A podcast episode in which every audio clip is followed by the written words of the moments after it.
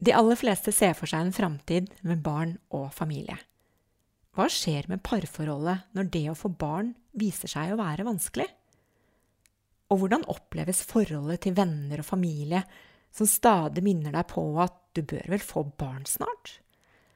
Og hva gjør en voksen kvinne når livet må defineres på nytt fordi ingenting ble slik hun hadde planlagt og håpet? Dette kan du lese mer om i boken Barnløs Boken kan bestilles i bokhandelen. Du kan kjøpe den portofritt på barnløs.no. Og hvis du sender meg en e-post, så kan jeg skrive en hilsen til deg i boken. Da sender du til boken barnlos i ett ord at gmail.com.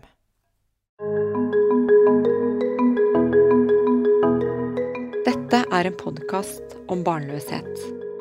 Jeg ønsker å finne svar på hvorfor temaet er så viktig for oss. Jeg vil grave frem fakta på området, og ikke minst dele de viktige historiene bak. Jeg er Cecilie Hoksmark, og mitt mål er større åpenhet. Ok. Så velkommen, Julie Løddesøl. Takk. Tusen takk. Du er eh, invitert som eh, gjest i podkasten fordi du har en historie å fortelle som barnløs. Men så har jeg også invitert deg fordi du holder kurs. Og du har engasjert deg i sorgbearbeidelse. Og jeg tenker at du eh, har hjulpet mange som må innse at de skal leve resten av livet uten barn. Men før vi gyver løs på, på, dette temaet, så vil jeg gjerne, Julie, at du skal dele med oss det du tenker at vi bør vite om deg. Ja, tusen takk. Hva er viktig å vite? Jeg er 62 år. Du sa at jeg var barnløs, men jeg er ufrivillig barnløs. Det er ganske viktig for meg. Jeg har eh, hatt et yrkesaktivt liv som journalist. Jeg har jobbet i dagspresse, i NRK, i radio, så jeg syns det er veldig hyggelig å være i en podkast. Jeg har gjort litt TV, jeg har vært eh, nettredaktør, jeg er også teaterviter. Eh, og eh, jeg har nå startet min egen praksis som Magdalena Healer, heter det. Og jeg driver med meditasjonsarbeid, med selvutviklingskurs. Som er det, mitt profesjonelle jeg. Sa jeg at jeg er gift? Jeg har, vært gift, jeg, jeg har vært gift i 28 år. Så det tror jeg kanskje Og jeg bor i Oslo. Så da tror jeg kanskje du har rammen. Vi har rammen. Eh, hvem du på en måte er nå. Men jeg tenker også at vi er nysgjerrig på historien din. Ja. Den deler jeg med glede. Um, og det er fordi um, jeg vil så gjerne at andre skal få slippe å holde på i det smertefulle landskapet som jeg selv syns at jeg brukte mye tid og krefter på da det var mest presserende. Så jeg, min historie er slik at um, vi forsøkte å få barn, um, og jeg er gift med en mann som er eldre enn meg. Han hadde fire barn fra før. Vi regnet det som helt sikkert at dette skulle gå veien, og så viste det seg etter um, ikke så lang tid, et år, halvannet, at det gjorde det ikke. Og fordi han var eldre, jeg var selv en voksen kvinne, så vi, så gikk vi med en gang til lege og fikk undersøkt hva som foregikk. Og det resulterte i at vi gjorde alle, alle de tekniske forsøk som var mulig å gjøre på tidlig 90-tall. Eh, og i 1997 så hadde jeg vært igjennom syv hormonkurer og tre vellykkede innsettinger av eh, Hva heter det? av egg som var befruktet, som ikke festet seg.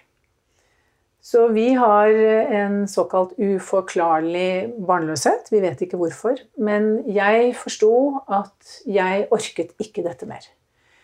Eh, jeg hadde også alltid visst at jeg ønsket meg barn med min mann, men ikke barn hvis ikke det var mitt, hvis ikke det var vårt. Og på den tiden så var jo de tekniske mulighetene også mer begrenset enn de er i dag. Så, så det var å sende Jeg satte strek. Jeg fortalte det da til alle rundt meg. Jeg um, Hvor gammel var du da? Eh, dette var i 1997, og jeg er født i 58. Jeg var 39 år gammel. Um, og faktisk så tok jeg min manns etternavn. Og det var fordi at jeg følte at hvis ikke, hvis ikke vi fikk barn, så var det ingenting som ville vise at vi hørte sammen. Og for meg var det så veldig viktig å ha Å skape noe med min mann.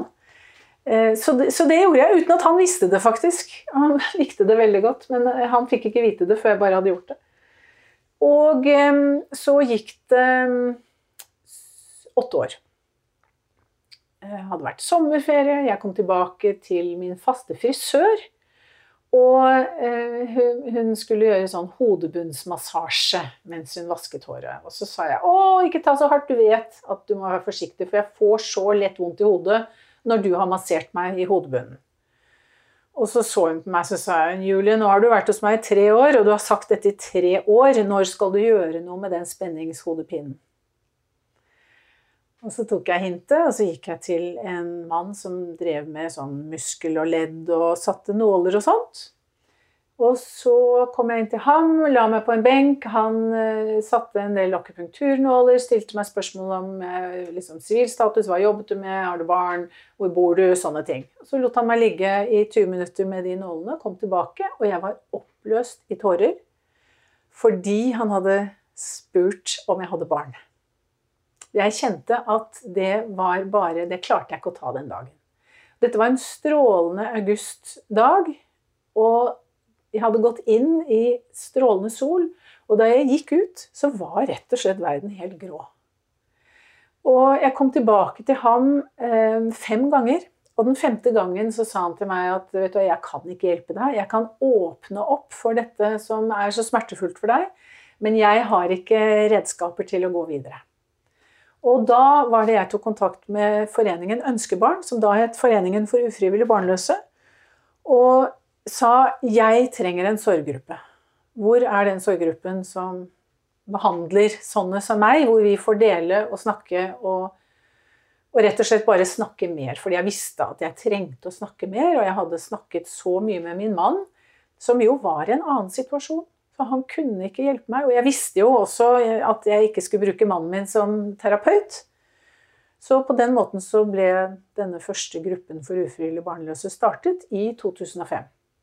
På delvis mitt initiativ. Det var flere som ønsket det, men, men jeg tror nok at jeg var med på å starte det, og ikke minst skrive tekster. og vi satte inn annonse i avisen osv. Så, videre. så der var vi syv-åtte stykker som møttes i nesten et år med tre ukers mellomrom med en, en, som var vant til å drive sorggruppe, men som ikke var ufrivillig barnløs selv, men som, som kunne sorg.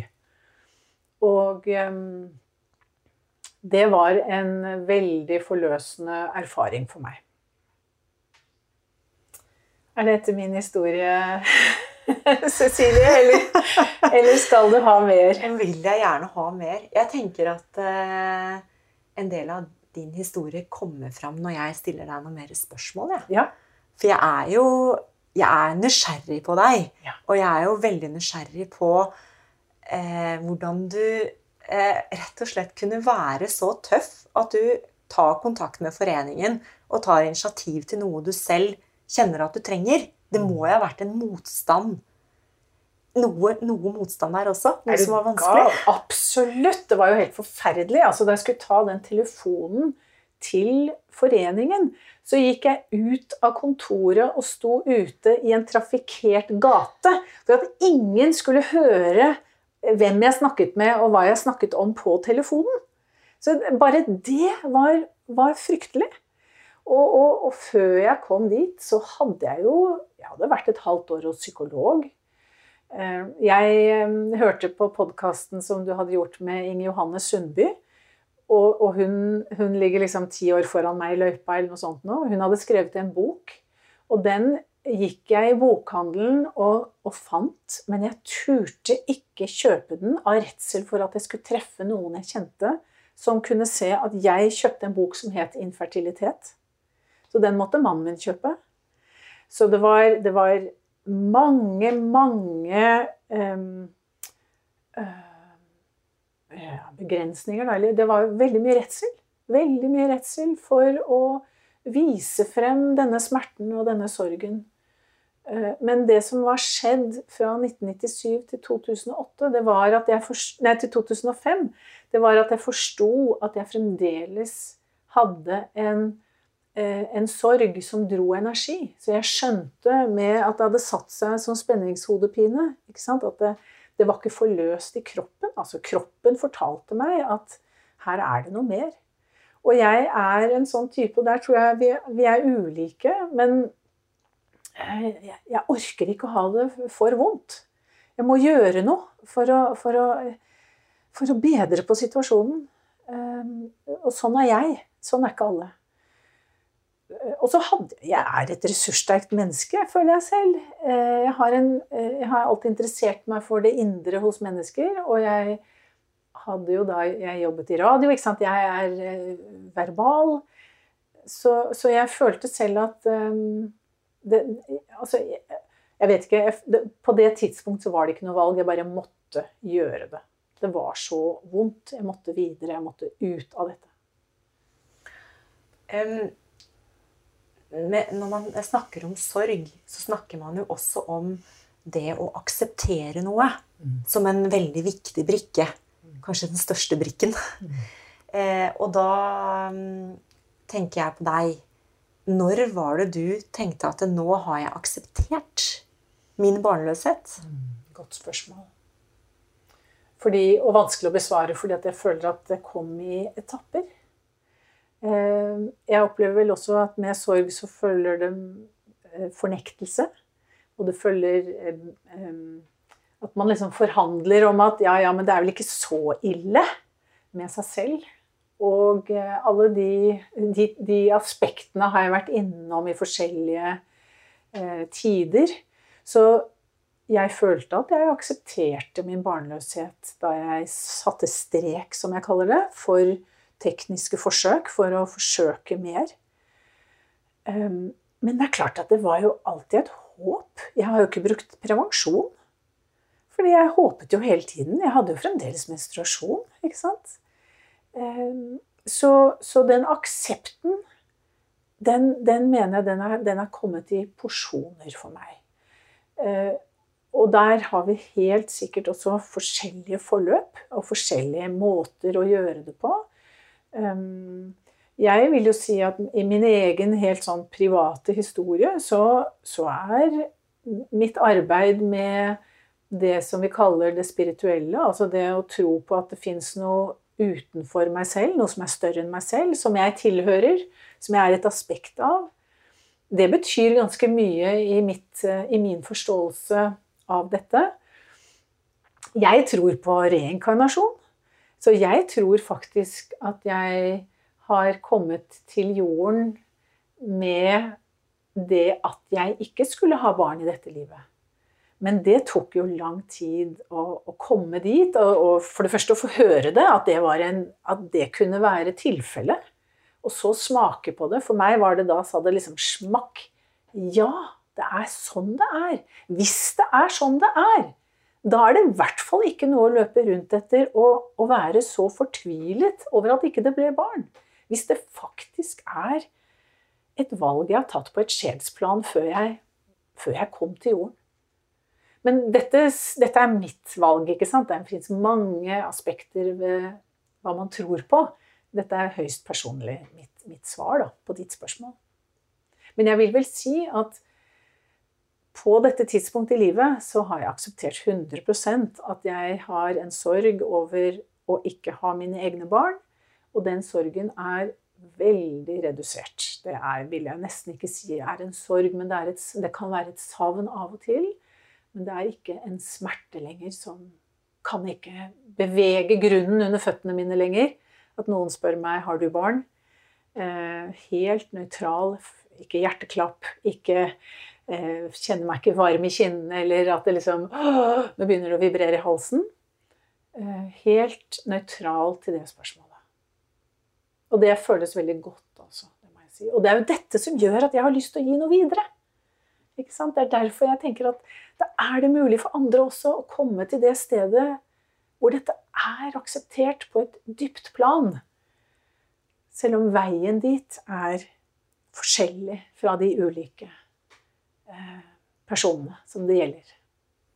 Du nevnte i sted at du hadde tatt din manns eh, etternavn for å føle at eh, det var noe som bandt dere ytterligere sammen, da, med, ved mangel på barn. Um, og da lurer jeg på om du har noen tanker om hvorfor er det så smertefullt å ikke ha disse barna? Ja, du vet, det er så Det er et sammensatt eh, spørsmål, eller sammensatt svar på det spørsmålet. Jeg hadde veldig glede av også det Inge Johanne Sundby sa i ditt eh, intervju om det kulturelle presset i Norge. Ehm, Cecilie har tatt med meg en eske, ja, som du så da jeg kom. Og du skjønner at i den esken her ligger på en måte hele min historie om ufrivillig barnløshet. Ja. Hvordan skal vi forklare dette? Dette er en, en halv flytteeske. Den er ganske det, liten, ja. men den er full. Eh, og i denne esken eh, Jeg har i grunnen samlet alt som jeg følte var vesentlig i løpet av de årene hvor jeg holdt på med dette som, som hva skal jeg si, ivrigst. Eh, og en av de tingene som ligger her, er en artikkel av Toril Moi, som er vil jeg si, Norges intellektuelle stjerne på den internasjonale himmelen litteraturviter som bor i USA, men som er norsk. Og hun har også skrevet noe om presset på moderskapet i Norge. At det er spesielt. Så jeg tror vi lever i noen, en kulturell um, beting... Altså Vi lever i en kultur hvor dette er utrolig vesentlig. Det å ha en familie og det å være som alle de andre. Og det er verken du eller jeg, da. Så nå må vi prøve å finne ut av, av, um, av det. Jeg rydder litt plass jeg, til denne pappesken. Ja, det, det, det blir, kan kanskje bli litt her. dumt å få sitte med den på fanget, liksom. Skal vi se. Da hører alle at der kom det en stor lyd. Nei, um, men altså, hvorfor er det så vondt? Um, det er også for meg noe med en viss skam, rett og slett over at min kropp ikke kunne. Og jeg vet jo ikke hvorfor jeg ikke ble gravid, eller hvorfor vi ikke ble gravide. Men, men jeg har absolutt kjent på en, et sinne over min egen kropp. Og et raseri over at alle de andre, selv de som bare har en one night stand på, etter en kveld på byen, liksom, at de blir gravide og klager over det. Eh, det er, en urettferdighet, og det er en ja, en, en, en himmelropende forskjell som, som, jeg vet om, men som de aller fleste som blir gravide, ikke skjenker en tanke. altså. Vil si, etter hvert så gjør jo folk det, for dette er jo blitt mer og mer vanlig. Og det er heldigvis blitt mer og mer snakket om. Men det er jo også en del av det. Hvorfor er det så vondt? Det er også fordi det er et tabu. Vi er ikke så mange som snakker om det. Så man føler seg så innmari alene. Og så er det det merkelige med at denne sorgen er jo en sorg ikke over noe som er, noe som er dødt. ikke sant? Det er ikke noe objekt der, det er ikke noen grav å gå til. Det er ikke noe å, å, å liksom minnes på en spesiell dato i året. Du får ikke blomster. Eh, du får ikke folks medfølelse på den samme måten som ved et dødsfall som, er, som vi alle eh, erfarer. Så, så, jeg tror det også gjør at eh, dette landskapet er veldig ukjent. Både for de det rammer, men også for alle rundt oss, alle våre pårørende. De vet ikke helt hvordan de skal ta det, de vet ikke hva de skal si. Og dermed blir det kleint, altså. Det blir flaut, og det blir pinlig, og det blir veldig nakent. Før man kanskje har øvd seg litt. Da. Og det er jo noe av det vi gjør i disse sorggruppene. Øve oss litt på ok, Snakke om hele det emosjonelle landskapet. Snakke om våre egne eh, opplevelser. Ikke minst få ut veldig mye sterke følelser som ligger der. Og så eh, øve litt på eh, hva sier vi, hvordan tar vi det utad. Når vi først har akseptert eller i hvert fall kjent mer på det selv. det slo meg jo nå at du faktisk driver disse sorggruppene for foreningen Ønskebarn. Ønskebarn. Takk. Som du selv etterlyste en gang i tiden. Ja, det er helt riktig. Og så skal jeg si en ting til deg, Cecilie, for du sa at du tror jeg har hjulpet mange. Nei, vet du hva, det tror jeg faktisk ikke. Fordi vi strever jo med å få tak i folk. Og det mener jeg er også sannsynligvis et uttrykk for nettopp dette rare med den sorgen. At eh, man får erfare, eller man skjønner, at det ble ikke barn på meg. Og så er, liksom, så er kontakten med gynekologen over. Og så er kontakten med, med fertilitetssenteret over. Og så er du i grunnen overlatt til deg selv. Så kan du gå til en psykolog. Eh, det syns ikke jeg opp. Og så kan du snakke med, med, dine nærmeste, og så har du kanskje en ektefelle du, eller en partner som du snakker med. Eller kanskje går det forholdet i stykker. Det er jo også ganske vanlig. Eh, så man blir ofte sittende alene, altså. Så jeg kan fortelle deg at på de gruppene som jeg har hatt nå To grupper har vært nå siden 2018, og det har vært tre deltakere på hver gruppe. Og det er egentlig for lite, syns jeg. Det bør være Vi har sagt mellom fire og åtte personer i hver gruppe. Så vi strever med å få tak i deltakere. Og vi lurer på hvor er dere? Ønskebarn eh, gjør det de kan med små midler. Med å reklamere på Facebook og ha det på sin egen nettside. Har selvfølgelig kontakt med fertilitetsklinikkene. Men du vet, en fertilitetsklinikk de har ikke lyst til å anførselstegn selge en sorggruppe. Fordi de skal selge håp. De vil selge at 'ja, la oss stå på, dette går bra, vi vil ha mirakler'. Men så kommer det en hverdag for en del altså hvor det miraklet ikke inntraff. Og, og, da vet vi ikke helt hvordan vi skal få kontakt. Så derfor vil jeg, altså på vegne av meg selv og alle andre, tusen, tusen takk for det arbeidet du gjør med å ha denne podkasten. Det er Veldig viktig. Jeg har hørt om den gjennom deltakere i sorggruppen. Så um, dette er også e, e, en, en, veldig fin strategi for å åpne opp for, for dette arbeidet. Denne, dette å se på hva dette faktisk er. Uh, og så kanskje også uh, kan gi muligheter for en møteplass, eller for at folk kommer i denne sorggruppen, eller uh, finner hverandre litt mer, da. Mm. Takk for det. Nå er jeg nysgjerrig på denne pappesken din. Nå skal du se. Jeg må nesten reise meg da, for, ja, å, for å vise deg. Altså, Jeg hadde med denne en av gruppene mine fordi det var, vi kom til et sted hvor, um, hvor uh, alt var svart og mørkt.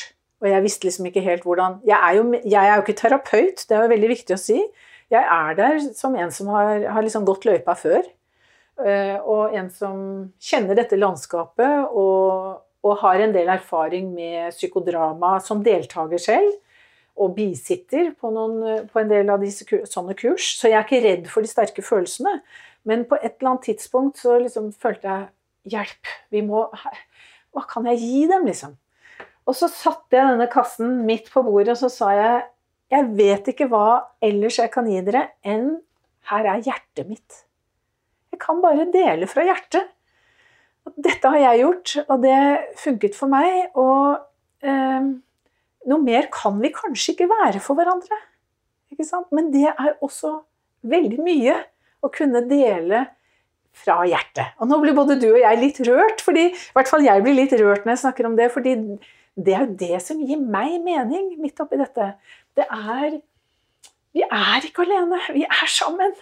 Og det jeg opplevde for 20 eh, år siden, det opplever noen i dag. Og, og, og det er faktisk noe av det samme. Vi snakker det samme språket. Så her, Cecilie, her tar jeg opp en liten bok. Og det er rett og slett en liten notatbok med bilde av en kommode på. Og den eh, kommoden er en, et bilde jeg har tatt av en kommode jeg har arvet fra min mor, og den har gått ned gjennom kvinneledd i fem generasjoner. Og det syns jeg er veldig morsomt, at i min, min familie så har det vært arv som skulle gå fra kvinne til kvinne. Og min tante, som hadde denne før mor, Nei, min grandtante, hun var, hun var barnløs. Hun var ugift og barnløs. Men da var det sagt av hun som startet med denne kommoden, det skulle gå til den eldste piken i neste generasjon. Så for meg så er dette nå eh, klart at denne skal gå til min niese. Min brors eldste datter.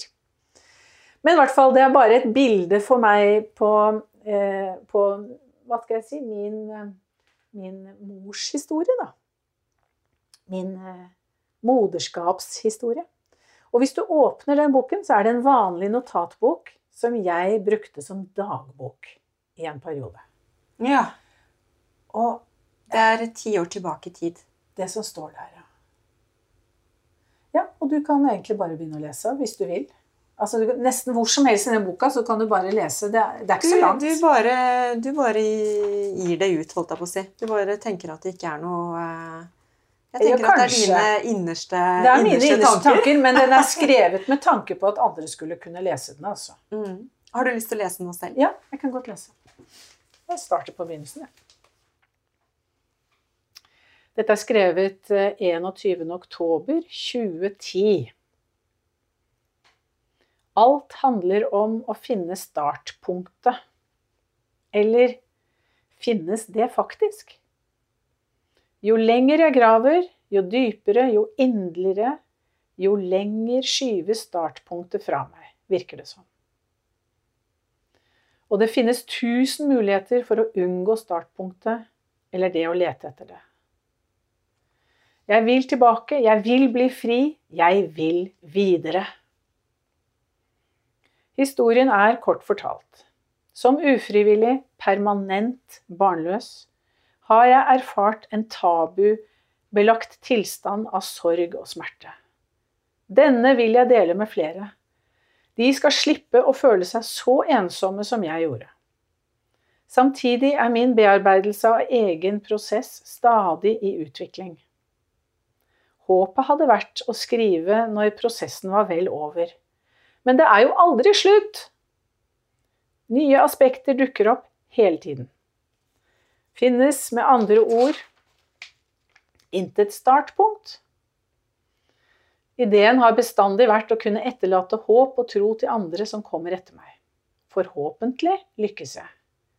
Veien går gjennom smerte, både fysisk og psykisk.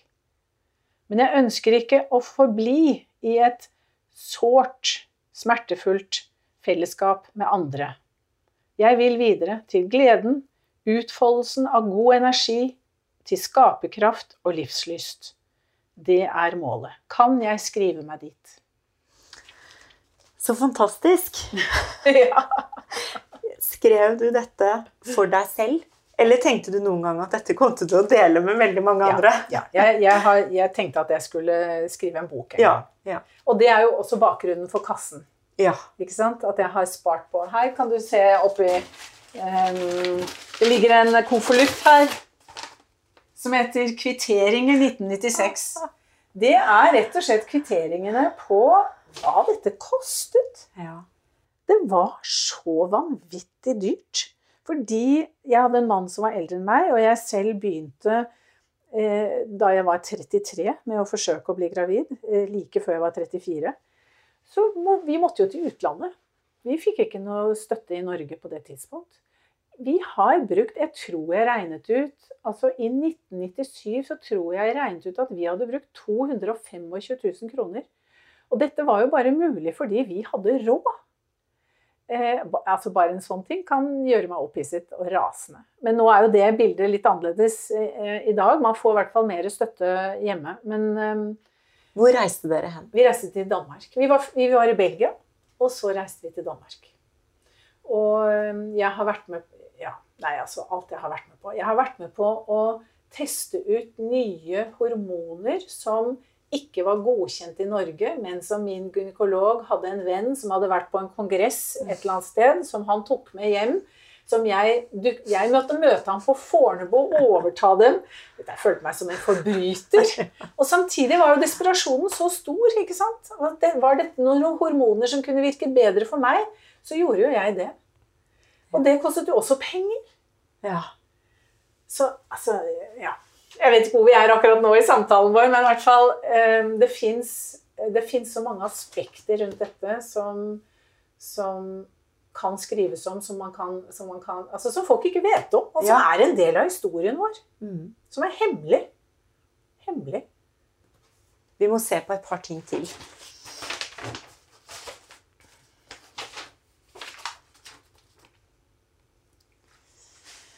Oi, dette var eh, Kjente jeg at jeg ble rørt. Det er da mm, Står på forsiden her eh, 'Minnestund for barnløses uoppnådde drømmer'. Lørdag 11. november 2006. Og det er jo noe som de fleste som ikke har fått barn, tenker på. At man har Det er jo et tap av noe. Ja. Eh, enten om du har mistet i svangerskapet, eller det er tap av noe som ingen andre har blitt kjent med. Så det er som om de ikke har på en måte en, en rett.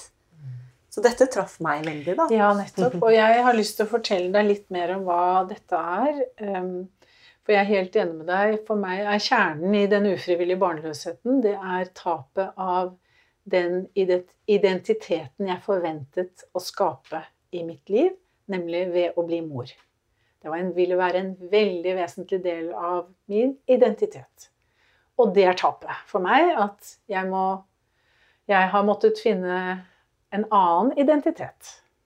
Du kan si nå har jeg laget en identitet som ufrivillig barnløs. Eh, Men tilbake til denne lille brosjyren som jeg viste deg nå, med et, også et nydelig bilde av et eh, ungt menneske som ligger og ser på en brygge ned i vannet. Dette er em, denne minnestunden for barnløses uoppnådde drømmer. Det var avslutningen til den første sorggruppen for ufrivillig barnløse, da vi hadde holdt på et år. Og der hadde vi med um, en veldig flott dame som hadde, em, var, hadde tatt en master i USA på seremonier og ritualer. Og vi var enige om at vi ville lage noe som markerte avslutningen på sorggruppen og på arbeidet vårt, sorgarbeidet vårt, for å gå videre. Så vi inviterte Vi leide et sted, et rom i byen, og så var dette på lørdagen før Allehelgenssøndag, som jo er feiringen av de døde. Så det ble veldig Det fikk jo en veldig, var en veldig fin metafor, på en måte. Og eh, da hadde vi laget noen tekster som vi leste selv, og så hadde vi funnet noen sang, hun hadde funnet noen sanger, hadde med seg noen gitarister, og vi hadde invitert da venner og familie, så vi var kanskje en 40 stykker. Og eh, så leste vi disse tekstene og startet liksom i det veldig mørke, hvor det smertefulle ble uttrykt, og så, og så hadde, var dramaturgien da sånn at det ble liksom litt lettere og lysere. Og så avsluttet vi det med at vi hadde kjøpt eh, rep, du vet, tau, som vi hadde kappet opp i biter. Og så hadde vi laget en skikkelig hard knute. Og så fikk alle deltakerne en knute hver. Og så samtidig så løste vi opp den knuten, og så kastet vi det tauet eh, sammen i en haug. Som et bilde på at alle mennesker opplever vanskeligheter i livet. Alle har en knute eller flere som skal eh, løses opp. Da. Eh, sånn at der, der, har vi et fellesskap med andre. Det er bare at eh, det å være barnløs, ufrivillig barnløs er en, en, litt uvanlig knute. Men tross alt ikke, ikke uvanlig i et, et, langt liv å ha en, en knute. Så det var en veldig fin uh, avslutning, uh, syns jeg. Som var veldig sånn befriende. Løste opp veldig mye. Og ikke minst ga de pårørende og vennene våre en, en mulighet til å delta. Fordi de føler seg jo veldig maktesløse. De kan bare stå og se på denne smerten, og at, man, at jeg trakk meg tilbake og ikke ønsket å snakke mer. og jeg trodde jo liksom jeg hadde sagt fra til alle når jeg hadde sagt at jeg var ufrivillig barnløs og hadde tatt min manns etternavn, så hadde de skjønt det. Men de hadde jo ikke nødvendigvis skjønt det. Så, så det ga de andre en mulighet også for å være nær meg. For å være nær oss og gi oss omsorg. Eh, og det er også et, eh, et aspekt som er ganske vesentlig her. at jeg tror det fins hjelp hos de nærmeste, men de må, ha, de må ha vår hjelp til hvordan de kan støtte oss. Hva tenker du eh, det året da med denne sorggruppen hva var det som var mekanismene? Hva skjedde underveis? Vi, eh, vi delte. Vi speilet hverandre. Jeg fikk sjansen til å snakke meg tom. De andre fikk sjansen til å snakke seg tomme. Ved å lytte til de andre så fikk jeg enda flere ord, enda dypere forståelse for mine egne følelser. Min egen selvinnsikt. Jeg kunne bli litt sjokkert over de sterke følelsene hos de andre. At det var så vondt. For så vondt var det kanskje ikke for meg, i hvert fall ikke akkurat da. Jeg fikk sjansen til å se noen bli rasende. Uh, og jeg er selv en type som heller tar det inn og blir lei meg. Det var befriende. Og um, mekanismen var også at jeg forsto hvilket arbeid dette er. Dette er et arbeid. Sorg det kalles sorgarbeid, og det mener jeg det er det virkelige, Altså. Det drar masse energi. Eh, det dro enda mer energi før jeg hadde begynt på det, når det bare lå der som en sånn innkapslet sorg som var uuttalt og liksom, som jeg ikke turte å nærme meg ordentlig. Så det å åpne opp i en gruppe sammen gjorde det klart for meg at det var ganske slitsomt. Det var et poeng i at det gikk tre uker mellom hvert møte. Sånn at vi fikk sjansen til å bearbeide og tenke og være alene. og Jeg sitter her med hendene liksom og, og holder som rundt Altså at vi fikk se det fra mange sider, da. Og samtidig som jeg sier at jeg også var forundret over hvordan mitt eget liv kunne fortsette upåvirket tilsynelatende. Altså, alt rundt meg var som før. Men men jeg gjorde et arbeid som var veldig dypt, og som var veldig internt. Og veldig rensende. Veldig rensende, altså. Mye grining. Mye grining. Befri, befriende ut. Ja, ja det, var, det, var, befriende. Det er jo derfor jeg brenner for dette her. Jeg er egentlig ikke så innmari opptatt av sorg. Jeg er opptatt av at folk skal ha det bra. At det skal være mulig å bevege seg ut av det. At det går an å finne mening igjen. At det går an å finne eh, aktiviteter som gir glede. Um, for meg har det liksom hele tiden vært eh, Siste setning det har vært 'gleden kom tilbake'. Gleden i livet kom tilbake. Er det en fin avslutning ja, på det intervjuet her? Ja. Det syns jeg også. Ja. Tusen, tusen takk, Julie. Takk skal du ha.